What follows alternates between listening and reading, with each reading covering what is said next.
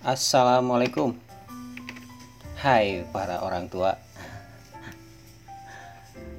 Uh, Makin ke dia? Opening orang makin terjelas rasa teh Teboga teboga teboga namanya hari yang ngedit bumper nanti dah bumper bumper jadi disebut nanti lah menjang opening teh. Uh, uh, hari yang edit teh audio background orang nyetel bari bari nyetel di YouTube. Eh eh kunan bahasa Sunda? Enggak enggak enggak uh, Hai para orang tua uh, balik lagi. Uh, apa ya gue mau bahas apa hari ini nggak ada bahasan kayaknya. Kemarin sih sempat sempat record kemarin teh sempat uh, sempat record. Cuman uh, ternyata pas saya dengerin lagi itu saya nggak tahu ngomong apaan ngelantur nu jadi nu, teh nu jadi bahasa bahasan temanya ternyata nggak nggak nggak fokus gitu. Jadi jadi melebar. Biasanya emang emang melebar juga sih. Tapi itu mah malah jadi malah jadi saya curhat gitu. Jadi ya udahlah hapus aja deh. Sekitar satu jaman di sana saya eh, kemarin ke rekaman yang pertama tuh sekitar satu jam dan nggak nggak dapet apa-apa pas saya dengerin teh mudah-mudahan sih kali ini nggak nggak ngelantur sih karena udah di konsep lah istilahnya. Kalau kemarin nggak. Oke okay, hai para orang tua. Balik deh ada cari naon jilan. Uh, maaf maaf maaf. Uh, barusan gue bukan menyapa para sesepuh di luar sana tapi gue menyapa orang-orang yang umurnya udah bisa dibilang tua nggak tua juga sih maksudnya umur yang berada dalam masa-masa kemasan gitu. Umur yang lagi masa-masanya produktif dan lagi tinggi-tingginya soal ego. Dan dan gue juga termasuk di dalamnya. Umur gue sekarang jalan 27 27 eh enggak ding maksudnya jalan mau 28 27 mau ke 28 dan di umur gue sekarang kayaknya gue apa ya ngerasa bisa melakukan semua hal kayaknya. Apa pun yang lo minta kayaknya bakal bakal bakal bisa gue lakuin. Kalau medianya ada ya. Bahkan kalau ada yang minta gue terbang ke bulan nih kayaknya gue mau deh. Kayaknya gue bisa deh. Asal pas pulang ke bumi rumah gue udah udah udah jadi lebih bagus. Orang tua gue juga udah udah haji gitu. Atau rekening tabungan gue nggak nggak nggak sebatas cuma limit doang gitu artinya di umuran gue ya karena spiritnya atau semangatnya masih tinggi kayaknya gue apa gue mau dan bisa melakukan segala hal asal ada timbal baliknya gitu maksudnya. Feedbacknya baik. Nggak serta merta ya mau aja terbang aja gitu ke bulan. Hari pas balik lagi lah gue masih apa gue masih bingung tadi gue ngapain. Lagi nggak ngapain juga gue terbang ke bulan. Jadi di umuran segini begitu banyak mimpi orang-orang yang udah mulai mereka capai. Dan ada juga orang-orang yang malah baru mulai melangkah gitu malah e, baru mulai punya rencana. Dan mereka biasanya udah mulai juga sih menemukan jati diri mereka mau kayak gimana gitu. Nggak nggak kayak anak SD eh anak SD kejauhan.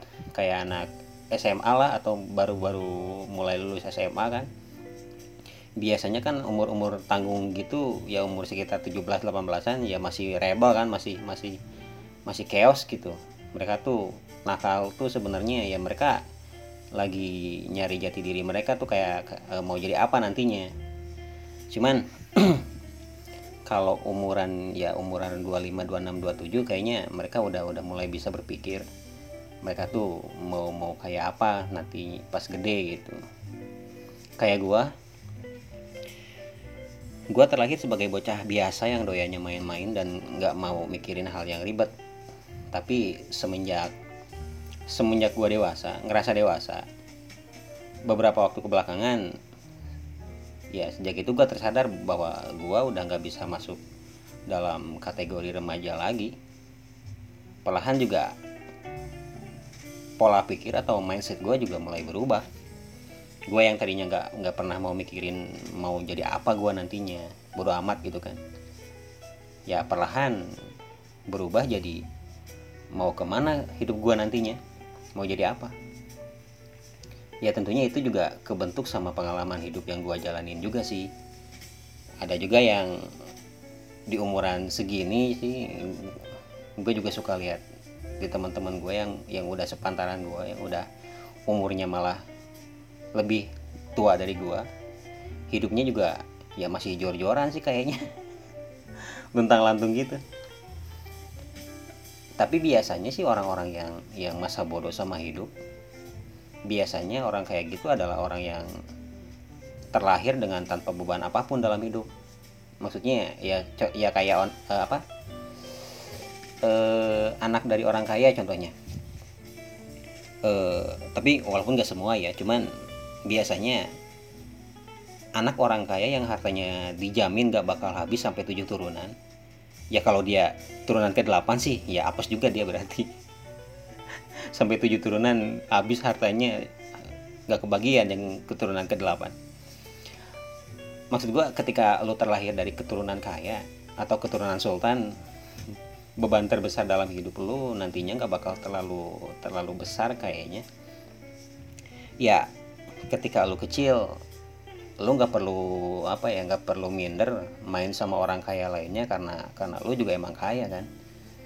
Dan saat lo beranjak remaja lo udah mulai mulai apa ya mulai terbiasa lah pakai fasilitas mewah yang hasil dari orang tua lo dan lo e, bisa sombong biasanya. Sombong juga wajar sih karena lo kaya kan dan saat lo udah dewasa lo pun kayaknya nggak perlu apa nggak perlu pusing mikirin mau ke mana sih lo nantinya gitu kan. Karena kata apa ya yang gue bilang tadi sih kalau kalau lo ter, e, terlahir dari keluarga kaya beban terbesar dalam hidup lo nggak bakal besar nantinya. Lu udah lulus kuliah misalnya mau mau kerja ya lu tinggal bilang juga sama ortu lu. Beres kan lu kalau misalnya mau nikah tinggal tinggal nyari gedung yang nggak bikin keluarga lu malu gitu ya udah gitu aja. Jadi masalah para keluarga kaya tuh hampir dipastikan nggak ada sih. Sama halnya kayak kayak cewek cantik gitu kan kan ada ada stereo stereotip ya stereo stereotip yang bilang kalau jadi cewek cantik tuh setengah setengah masalah hidupnya selesai ya sama kayak orang-orang apa ya kayak kayak anak-anak orang kaya kayak gitu. Itu kalau kita ngukurnya dari materi ya kalau mau ngelihat dari akhlak sama dalamannya ya itu beda lagi sih. Gua nggak bakal bahas itu. Ntar dibilang ceramah lagi.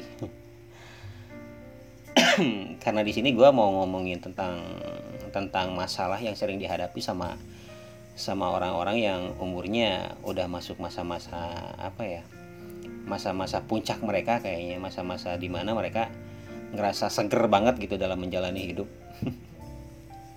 Uh, let's say sekitar umur 25 ke atas lah 25 26 27 28 lah maksimal. Nah selain masalah materi tadi masalah duit maksud gue masalah apa aja sih yang sering kita hadapi di kehidupan ini? Ya banyak sih. Banyak banget malah Bray. Karena biasanya di umuran segini kita udah mulai memasuki apa ya udah mulai ngelewatin maksud gue udah mulai melewati masa peralihan dari remaja ke dewasa kan di mana masalah manusia remaja sangatlah berbeda dengan masalah orang dewasa. Bener gak sih? Ya pas lo lagi remaja biasanya masalah pelik apa sih yang bisa biasanya lo hadapin? Ya palingan biasanya masalah sekolah atau masalah pacaran ya kan terus kalau misalnya lo udah dewasa masalah yang lo hadapin kan lebih dari itu. Pokoknya ya ketika lo udah dewasa lu pasti udah ngerasa bahwa lu tuh udah masuk ke fase kehidupan yang benar-benar kehidupan gitu nggak main-main lagi. Kayak kayak waktu lu bocah atau remaja.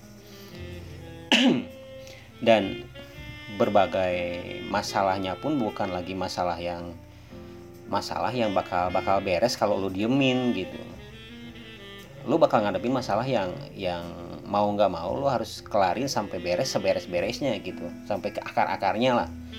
Ya kalau enggak ya masalah itu bakal tetap jadi apa ya jadi borok yang bikin nama lu jelek di mata mata apa di mata orang-orang sekitar lu. Makanya ketika umur lu udah masuk 20 ke atas ya jangan kaget juga sih kalau mulai banyak banget orang yang yang mengandalkan lu gitu soalnya ya di umur segitulah kayak ulah deh. Di umur segitu lu udah udah mulai luas kan jangkauan jangkauan pertemanannya. Jadi orang-orang yang kenal lu juga pasti ada juga yang berada di luar circle lu biasanya.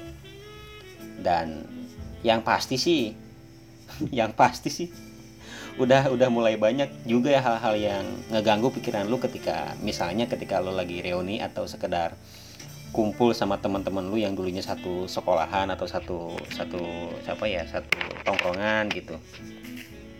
Dan ya sebenarnya sih aduh mic gua bentar. Dan sebenarnya sih ini ya hal ini jadi jadi trigger gua juga jadi acuan gua juga kenapa gua bahas di podcast gua kali ini. Kalau masalah materi yang tadi sih ya nggak usah diomongin lagi lah bakal nggak ada ujungnya sih. Dan lagian gue bukan orang kaya jadi gue takutnya nggak nggak apa ya nggak relevan aja kalau gue ngomongin soal duit. Nggak ngerti juga gue yang bakal jadi benang merahnya di podcast gue kali ini adalah ya masalah tentang apa ya tentang tentang di umur segini tapi kita lo sama lo lo Jakarta pisan lu sama gue belum nikah gitu. Di umuran segini kita belum nikah. Itu sih yang mau gue omongin. Jadi semua semua ketakutan gue ke, apa pikiran gue ini berawal dari banyaknya dari teman-teman yang seangkatan kita yang udah nikah tapi kitanya belum. Dan ketika kita ketemu sama mereka lagi di jalan atau atau lagi pas reunian gitu mereka kan suka suka suka iseng nanya kan. Ya. Ini nanya nanya tentang kita lo udah nikah belum? katanya. Awalnya sih ya gue jawab ya belum belum aja ya emang belum kan. Tapi itu tiap gue ketemu sama teman lama di mana pun ketemunya pertanyaannya tuh ya selalu gitu. Walaupun gue tahu ada juga sih yang yang ketika dia nanya sama gue dianya juga sama belum nikah. Jadi ya terus aja gitu. Lo udah nikah belum? Lo udah nikah belum? Ya belum lah. Belum bangsat. Gua belum nikah gua belum nikah. Gua capek sampai capek gua dengan apa jawab jawab pertanyaan mereka. Ya emang sih niat mereka cuma buat basa-basi aja kali ya. Tapi ya buat gua itu sangat-sangat mengganggu man karena saking seringnya ditanyain malah jadi kepikiran terus kan. Itu alasannya sih kayaknya gue males banget datang ke acara reunian sekolah apalagi tahun-tahun sekarang. Kayak kemarin tuh gue ada pernah ada undangan reunian akbar gitu. Ya biasalah di grup WhatsApp. Jadi eh, SMK tempat gue sekolah ngadain reunian akbar gitu. Dari angkatan gue sama angkatan beberapa tahun sebelum gue jadi kan ya sama seangkatan gue aja gue males gitu kan. Apalagi sama seangkatan sebelum gue gitu yang lebih tua. Maksud gue ya ketika datang ke reunian kan ya mereka pasti datang sama istri atau suaminya dong.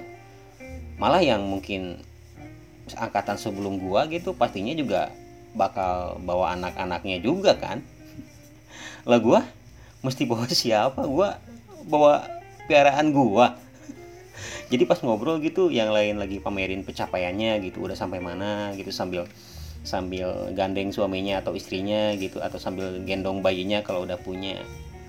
Lah gue mau gandeng siapa? Kucing gue mau gue gandeng? Kan enggak dong. Anjing orang lain bawa anak lah gue bawa kucing. Eh, nah sekarang pertanyaan itu tuh kayak hal yang menakutkan banget buat buat gua atau buat lu mungkin yang emang pernah ngerasain juga. Lu sama gue yang udah umurnya udah cukup gitu tapi belum nikah nikah juga ya mungkin sih ada beberapa atau beragam alasan buat buat kita kenapa sampai sekarang belum belum nikah juga. Tergantung juga masing apa tergantung masing-masingnya sih alasannya. Tapi yang mungkin sering orang lain rasain adalah termasuk gua. Kenapa sampai sekarang belum nikah nikah kayaknya alasannya adalah eh, kenyamanan kenyamanan sih. Kenyamanan saat sudah terlalu lama sendirian gitu. Kayak lagu siapa sih itu teh? Terlalu lama sendiri teh. Kunto Aji ya kalau nggak salah. Iya Kunto Aji bener. Judulnya kan terlalu lama sendiri juga kan pertama gua denger lagunya gua pikir anjir uh, oke okay sih. Iya juga ya. berasa disindir gua. Uh, yang gua rasain adalah ya sebenarnya sih bukannya kita nggak mau punya pasangan hidup sih atau nikah gitu. Tapi karena kita udah kelamaan sendiri kita pun jadi lupa gimana caranya memulai buat menjalani hubungan sama seseorang gitu. Lupa aja gitu. Asli kayak kayak yang gue alami sekarang ya walaupun gue jomblo nggak nggak sampai bertahun-tahun juga sih. Nggak sampai berabad-abad juga sih. Setahun juga enggak sih kalau nggak salah. Tapi ya gue sampai nggak ngerti lagi sih gimana caranya gue memulai sesuatu yang serius sama seseorang. Ya nggak mungkin juga kan kalau misalnya gue ngebat gitu gue baru ketemu sama cewek terus gue langsung ajakin dia nikah gitu. Nggak mungkin lah.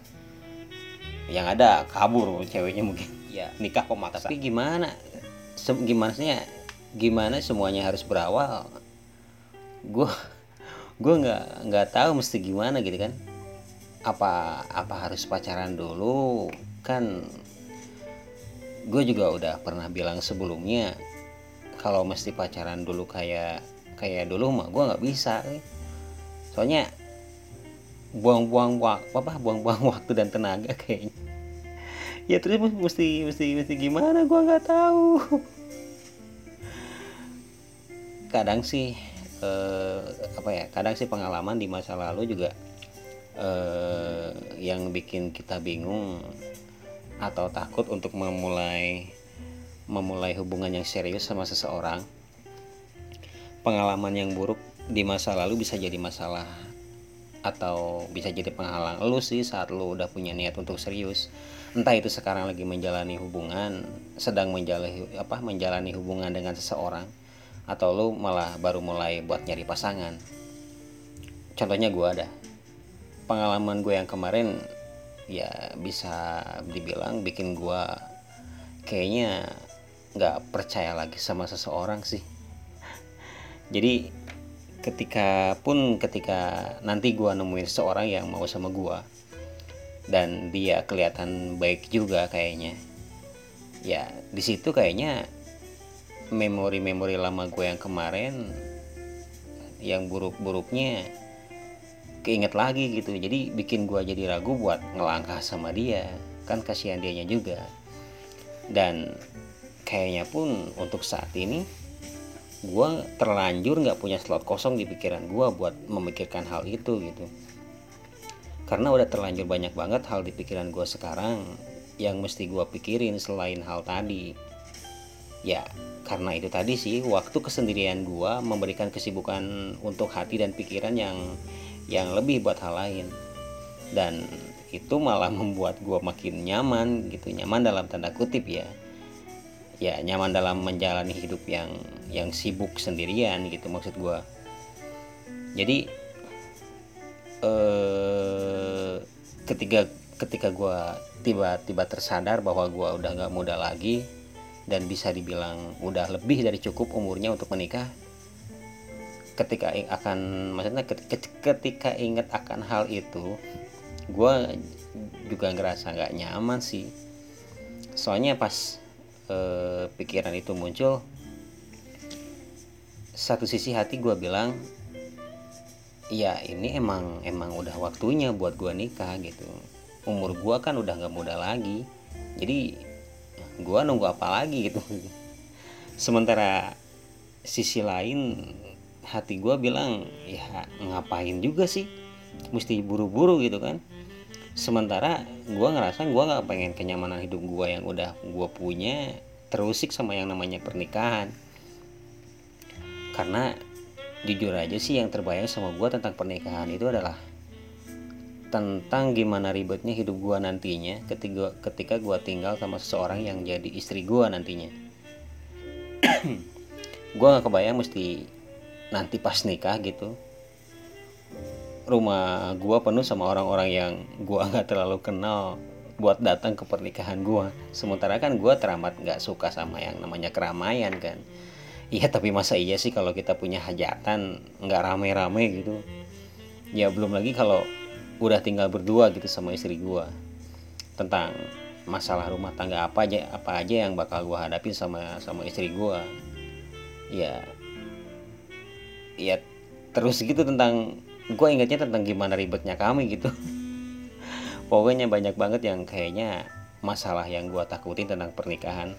Walaupun sebenarnya yang namanya hidup kan entah itu gue lagi sendirian atau udah punya istri yang yang yang namanya masalah mah kan pasti ada kan. Malah kayaknya positifnya ketika gua atau lo lagi ada masalah lu bisa berbagi sama pasangan lu dan nyari solusinya bareng-bareng. Tapi buat gua eh gua nggak nggak nggak terlalu terbiasa sih ngebagi masalah yang gua punya ke orang lain eh sebutlah itu istri gua gitu. Kayaknya gua nggak nggak nggak terlalu terbiasa juga. Karena gua ataupun lu yang udah terbiasa sendiri udah terbiasa juga menye apa, menyelesaikan masalah sendirian gitu. Dan karena kita juga udah nggak percaya aja sama orang lain.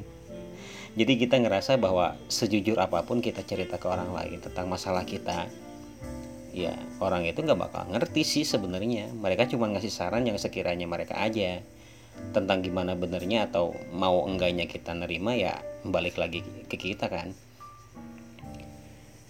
Jadi sebenarnya sih kita udah tahu solusinya. Cuman ya kita takut salah aja gitu. Kita butuh butuh apa ya butuh penegasan kayaknya. Makanya kita juga butuh juga cerita sama orang lain. Walaupun gak harus cerita pun kita bisa ngambil keputusan sendiri tanpa harus melibatkan saran dari orang lain. Toh yang ngerasain konsekuensinya nanti juga kita bukan orang lain kan.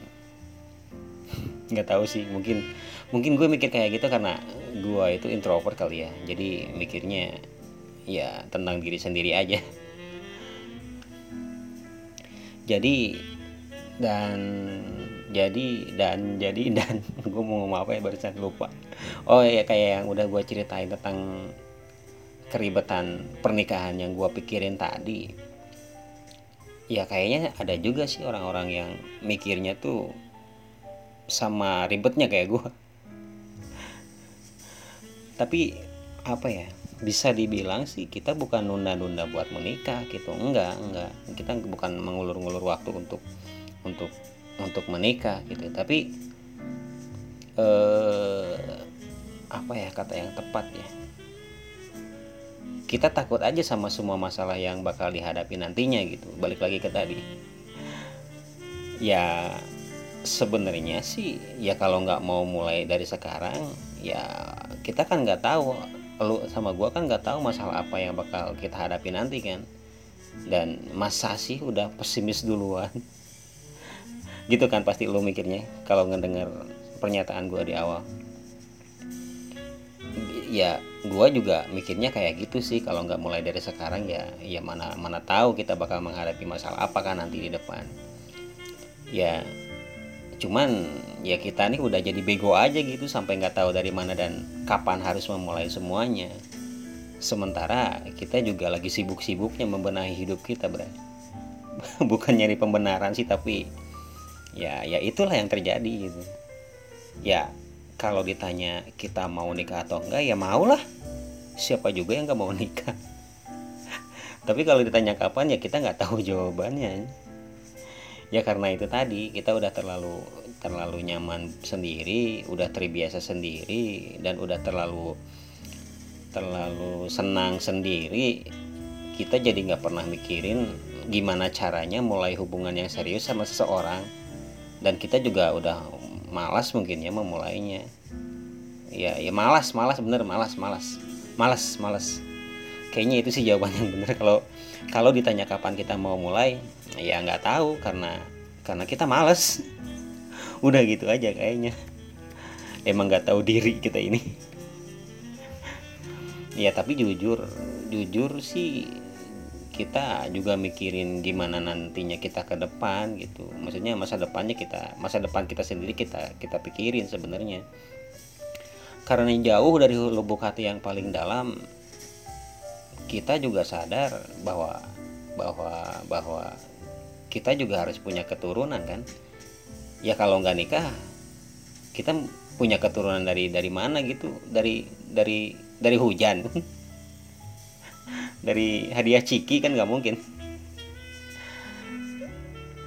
Kalau misalnya belum apa nggak kalau nggak punya keturunan kita mit amit sih. Ya nanti siapa yang ngurusin kita kalau udah tua? Siapa yang bakal nemenin hari-hari tua kita gitu. Atau siapa juga yang bakal nerusin silsilah keluarga kita gitu. Ya, ya kita juga mikirin itu man. Gue juga sangat teramat sangat memikirkan hal itu. Nah, tapi ya sebatas mikirin aja. Ya tapi kan minimal hal itu udah ada dalam benak kita tentang terlaksana cepat atau lambat. Ya kita serahin aja sama waktu. Toh banyak juga yang yang udah punya rencana buat nikah tapi ya gitu gagal gitu kan. Sebenarnya mereka udah serius banget sama pasangannya udah rundingan dua keluarga juga. Ya tapi karena memang belum waktunya ya gagal-gagal juga. Kayak ya kayak kayak apa? Kayak kasus teman gua baru-baru ini sih. Ini gibah aja kali ya ini nggak uh, gua mau cerita dikit tapi emang nggak ada nggak apa nggak ada hubungannya sama tema bahasan gua kayaknya. Gua tiba-tiba keingetan aja sama cerita teman gua. Marilah kita ngegibah. Gue punya temen nih dia cowok udah sebenarnya dia belum punya niatan buat nikah sih. Pacarannya pun belum lama masih hitungan bulan lah. Tapi katanya setiap dia ngapel ke rumah ceweknya nih si si ibunya tuh selalu nanya mulu kapan anaknya mau dinikahin? gitu. Itu dia bilang dari baru satu bulan mereka pacaran setiap si teman gua ini datang ke rumah si cewek ibunya tuh selalu selalu apa selalu nanya kayak gitu terus gitu kapan anaknya dinikahin atau nikahnya kapan kayak, gitu. Ya mungkin sih karena keluarga si ceweknya ini keluarga yang yang apa yang namanya teh? Keluarga yang konservatif kali ya dan dan rumahnya juga di pedalaman gitu. Jadi mungkin si keluarganya ini pengen pengen ngejaga apa ya ngejaga keluarganya dari omongan orang-orang di kampungnya. Ya kalau di kampung kan ya kayak gitu kan ada anak perawan yang udah mulai gede gitu yang yang tiap malam minggu diapelin sama cowok apalagi kan cowoknya tinggal di kota gitu. Kalau kelamaan pacarannya kan nggak bagus juga katanya. Jadi ketika terus ditanyain kayak gitu sama ibunya ya jadi beban juga sih buat temen gua katanya. Tapi akhirnya dia juga berusaha sih buat ngumpulin uang katanya buat buat biaya dia nikah nanti dia juga udah nanya sama ceweknya tentang rencananya buat nikah. Kata si ceweknya sih kata dia ya terserah keluarganya aja katanya. Ya kalau misalnya si ceweknya udah ngejawab gitu ya berarti dia mau dong. Agak senang lah si teman gue ini. Dia makin semangat nyari apa nyari nyari uangnya biar cepat terkumpul gitu. Udah tuh serasa cukup terkumpul. Dia pun mulai ngobrol sama sama sama keluarganya di rumah buat ketemu keluarga si cewek ini. Sampai akhirnya ketemu ngobrol-ngobrol tanggal udah ditetapin catering sama yang lainnya juga udah aman katanya. Undangan juga lagi lagi dicetak. Ya pokoknya tinggal tinggal nunggu waktu aja deh. Sampai mereka kena kena masalah gitu istilahnya. Ternyata di belakang teman gue ini si ceweknya ini selingkuh dan kegap langsung sama teman gue ceritanya ya gitulah adalah. Gak mau gue ceritain juga karena karena terlalu menyakitkan kayaknya. Gue juga kalau misalnya ada di posisi si teman gue ini si cowoknya ini kalau ngelihat langsung pasangannya selingkuh sama cowok lain gitu pasti hancur sih makanya ya langsung langsung di diudahin gitu aja. Ya sayang banget sih soalnya rencana nih apa rencana mereka buat nikah tinggal tinggal ya tinggal apa ya kalau peresmian gedung mah tinggal tinggal gunting pita lah kayak gitu. Cuman mungkin sialnya si teman gue ini dapat cowok dapat cewek yang yang yang yang brengsek gitu. Nggak bersyukur dia punya cowok yang udah mau serius mau nikah. Eh malah selingkuh bangsa ya gitulah. Kalau misalnya uh, lu udah serius-serius punya niat untuk nikah ya kalau belum waktunya mah ya tetap gagal-gagal aja sih. Gimana pun caranya. Gitu. Terus uh, apa lagi? Gue mau ngomong apa lagi sih? Uh, itu sih kayaknya satu dari sekian pengalaman buruk yang kayaknya sering dialami sama orang-orang yang jadi alasan buat buat buat mereka takut untuk memulai hubungan yang serius sama sama seseorang. Eh, makanya eh, orang itu atau gua atau lu jadi lebih takut sih buat percaya dan memulai lagi hubungan yang serius sama sama pasangan gitu. Ya gua belum belum pernah juga sih sampai sampai punya pengalaman yang benar-benar begitu fatal gitu yang dialamin kayak temen gue tadi. Tapi hal yang sejenisnya pernah lah gue alamin. Ya konteksnya ya kalau perasaan dan kepercayaan yang kita kasih kasih secara penuh kepada seseorang tapi ternyata yang kita kasih itu malah disalahgunain ya jadi sampah lah ujungnya. Dan rasanya sangat teramat disayangkan kalau perasa perasaan yang kita punya yang kita habis-habisan buat dia sementara dianya nggak kayak gitu juga gitu. Bertepuk sebelah tangan dan itu sakit man. Sumpah sakit. Makanya kalau gue sih ngerasa ya gue lagi ngekip nih maksudnya lagi lagi lagi nyimpen nih semua perasaan perasaan gue ini sampai sampai kapan ya nggak tahu. Ya mungkin sampai gue atau lo ini bisa percaya lagi sama orang sampai kita bisa ngerasain lagi yang namanya bener-bener dibutuhin sama orang lain gak cuman buat kesenangan semata. Gitu. Terus ya gitu aja sih. Kayaknya itu sih masalah terbesar yang ditakutin sama orang-orang yang umurnya 25an ke atas kayak gua kayak lo kayak kita dan kayak mereka. Dan kekhawatiran itu sebetulnya berlangsung setiap hari sih ya mungkin alasan dasar apa alasan dasarnya beda-beda. Kenapa itu kita belum nikah ya beda-beda gitu tergantung orangnya. Tapi yang paling palung yang paling masuk akal sih kayaknya yaitu tadi yang kayak gue bilang di awal.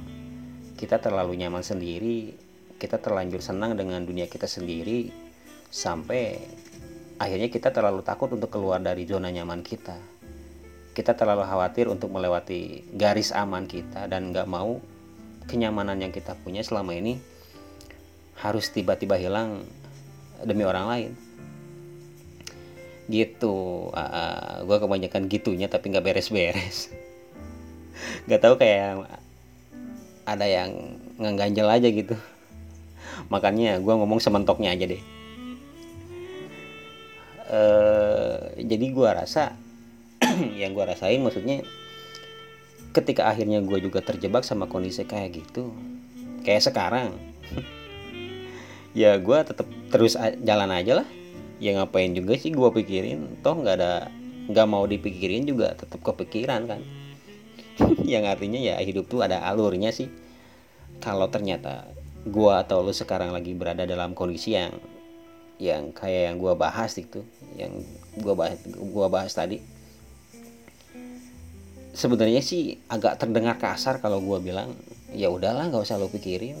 Tadi juga gue ngomongnya kayak gitu sih gue ralat maksudnya gue ralat. Maksud gue ya jangan terlalu terbebani sama hal-hal yang belum waktunya terjadi untuk lo gitu maksud gue kalau sampai sekarang lo belum nikah juga sementara ternyata lo udah berusaha ya jangan berhenti sih buat terus berusaha. Ya tapi jangan terlalu keras juga gitu tapi jika lu sama apa lu sama kayak gua yang terkesan bodoh amat ya dalam tanda kutip ya lagi-lagi bodoh amatnya ya menurut gue jalani aja hidup lo yang sekarang. Serahin aja sama waktu gitu kan. Dan gue yakin ya hidup itu sih nggak ada nggak ada yang sia-sia sih. E, maksudnya ya selamanya eh selamanya lagi. Selamanya selamanya lagi selama kita kitanya terus positif dan ngelakuin hal, -hal yang berguna lah apa ya? Aduh, aduh ah, makin ngelantur gue jadi gimana sih maksudnya? Uh, hidup tuh nggak ada nggak ada yang sia-sia maksud gue menurut gue ya selama kitanya terus positif dan ngelakuin hal-hal yang berguna gitu maksudnya. Jadi sambil lu nunggu waktu yang menjawab ya lu sambil juga terus ngebenahin hidup lu sama hal-hal yang berguna gitu. Jadilah jomblo jomblo yang elegan jangan jadi jomblo yang pesimis. Gitu aja sih. Udah ah ngelantur kayaknya. Tapi apalagi ya kayak ada yang mau gue omongin cuman apalagi ya? Eh ya gitu sih. Kalau lu yang sekarang lagi dengerin kebetulan adalah orang yang punya keresahan yang sama kayak gua ya tenang aja sih. Lu nggak sendiri bray. Ada gua. Eh uh, oh iya iya iya bener-bener gua pengen banget sih denger cerita orang-orang di luar di luar circle gua. Maksudnya lulus semua yang sekarang lagi dengerin. Entah itu cerita tentang percintaan keluarga ataupun pertemanan atau ataupun apa pun lah. Ya bagi sama gua aja sih kalau mau. Soalnya gue ngerasa kalau gue ini mainnya kurang jauh sih. Jadi gue pengen tahu apa eh pengen tahu aja. Pengen tahu apa yang sekarang orang-orang lagi rasain. Siapa tahu gue bisa jadiin bahan gibah di sini bahan topik maksudnya. Jadi ya marilah kita berteman. Dan buat lo nih yang pengen pengen berbagi cerita sama gue eh, ya lu bisa ngirimin email ke gua sih. Lu bisa cerita soal apa pun di, di kehidupan lu yang siapa tahu gua juga ngalamin. Nanti nanti di alamat emailnya gua gua tulis di deskripsi ya. Dan oh iya ya uh, podcast podcast gue yang kemarin uh, eh, gue sekarang naikin ke YouTube juga sih. Anjing gaya gaya channel YouTube jadi lu nantinya bakal bisa lihat podcast gue di YouTube dengan nama channel yang sama absurdnya. Kayak kayak nama podcast gue. Itu amin awas sih orang nyen channel YouTube yang upload podcast sungguh nya nggak usah di Spotify unggul atau nya nyame gaya we biar sama kayak orang lain gitu. Biar ada karya gitu nama. Ya jadi gitu aja dari gua. Pokoknya uh, maafin kalau ada salah-salah kata. Maaf juga kalau bahasanya agak nggak nggak jelas sih. Mudah-mudahan ada sesuatu yang bisa lo dapat dari sini. Ya seenggaknya podcast gue bisa nemenin lu saat di saat di saat lo lagi bete atau lagi lagi gabut di malam hari yang lagi hujan lagi dingin gitu kan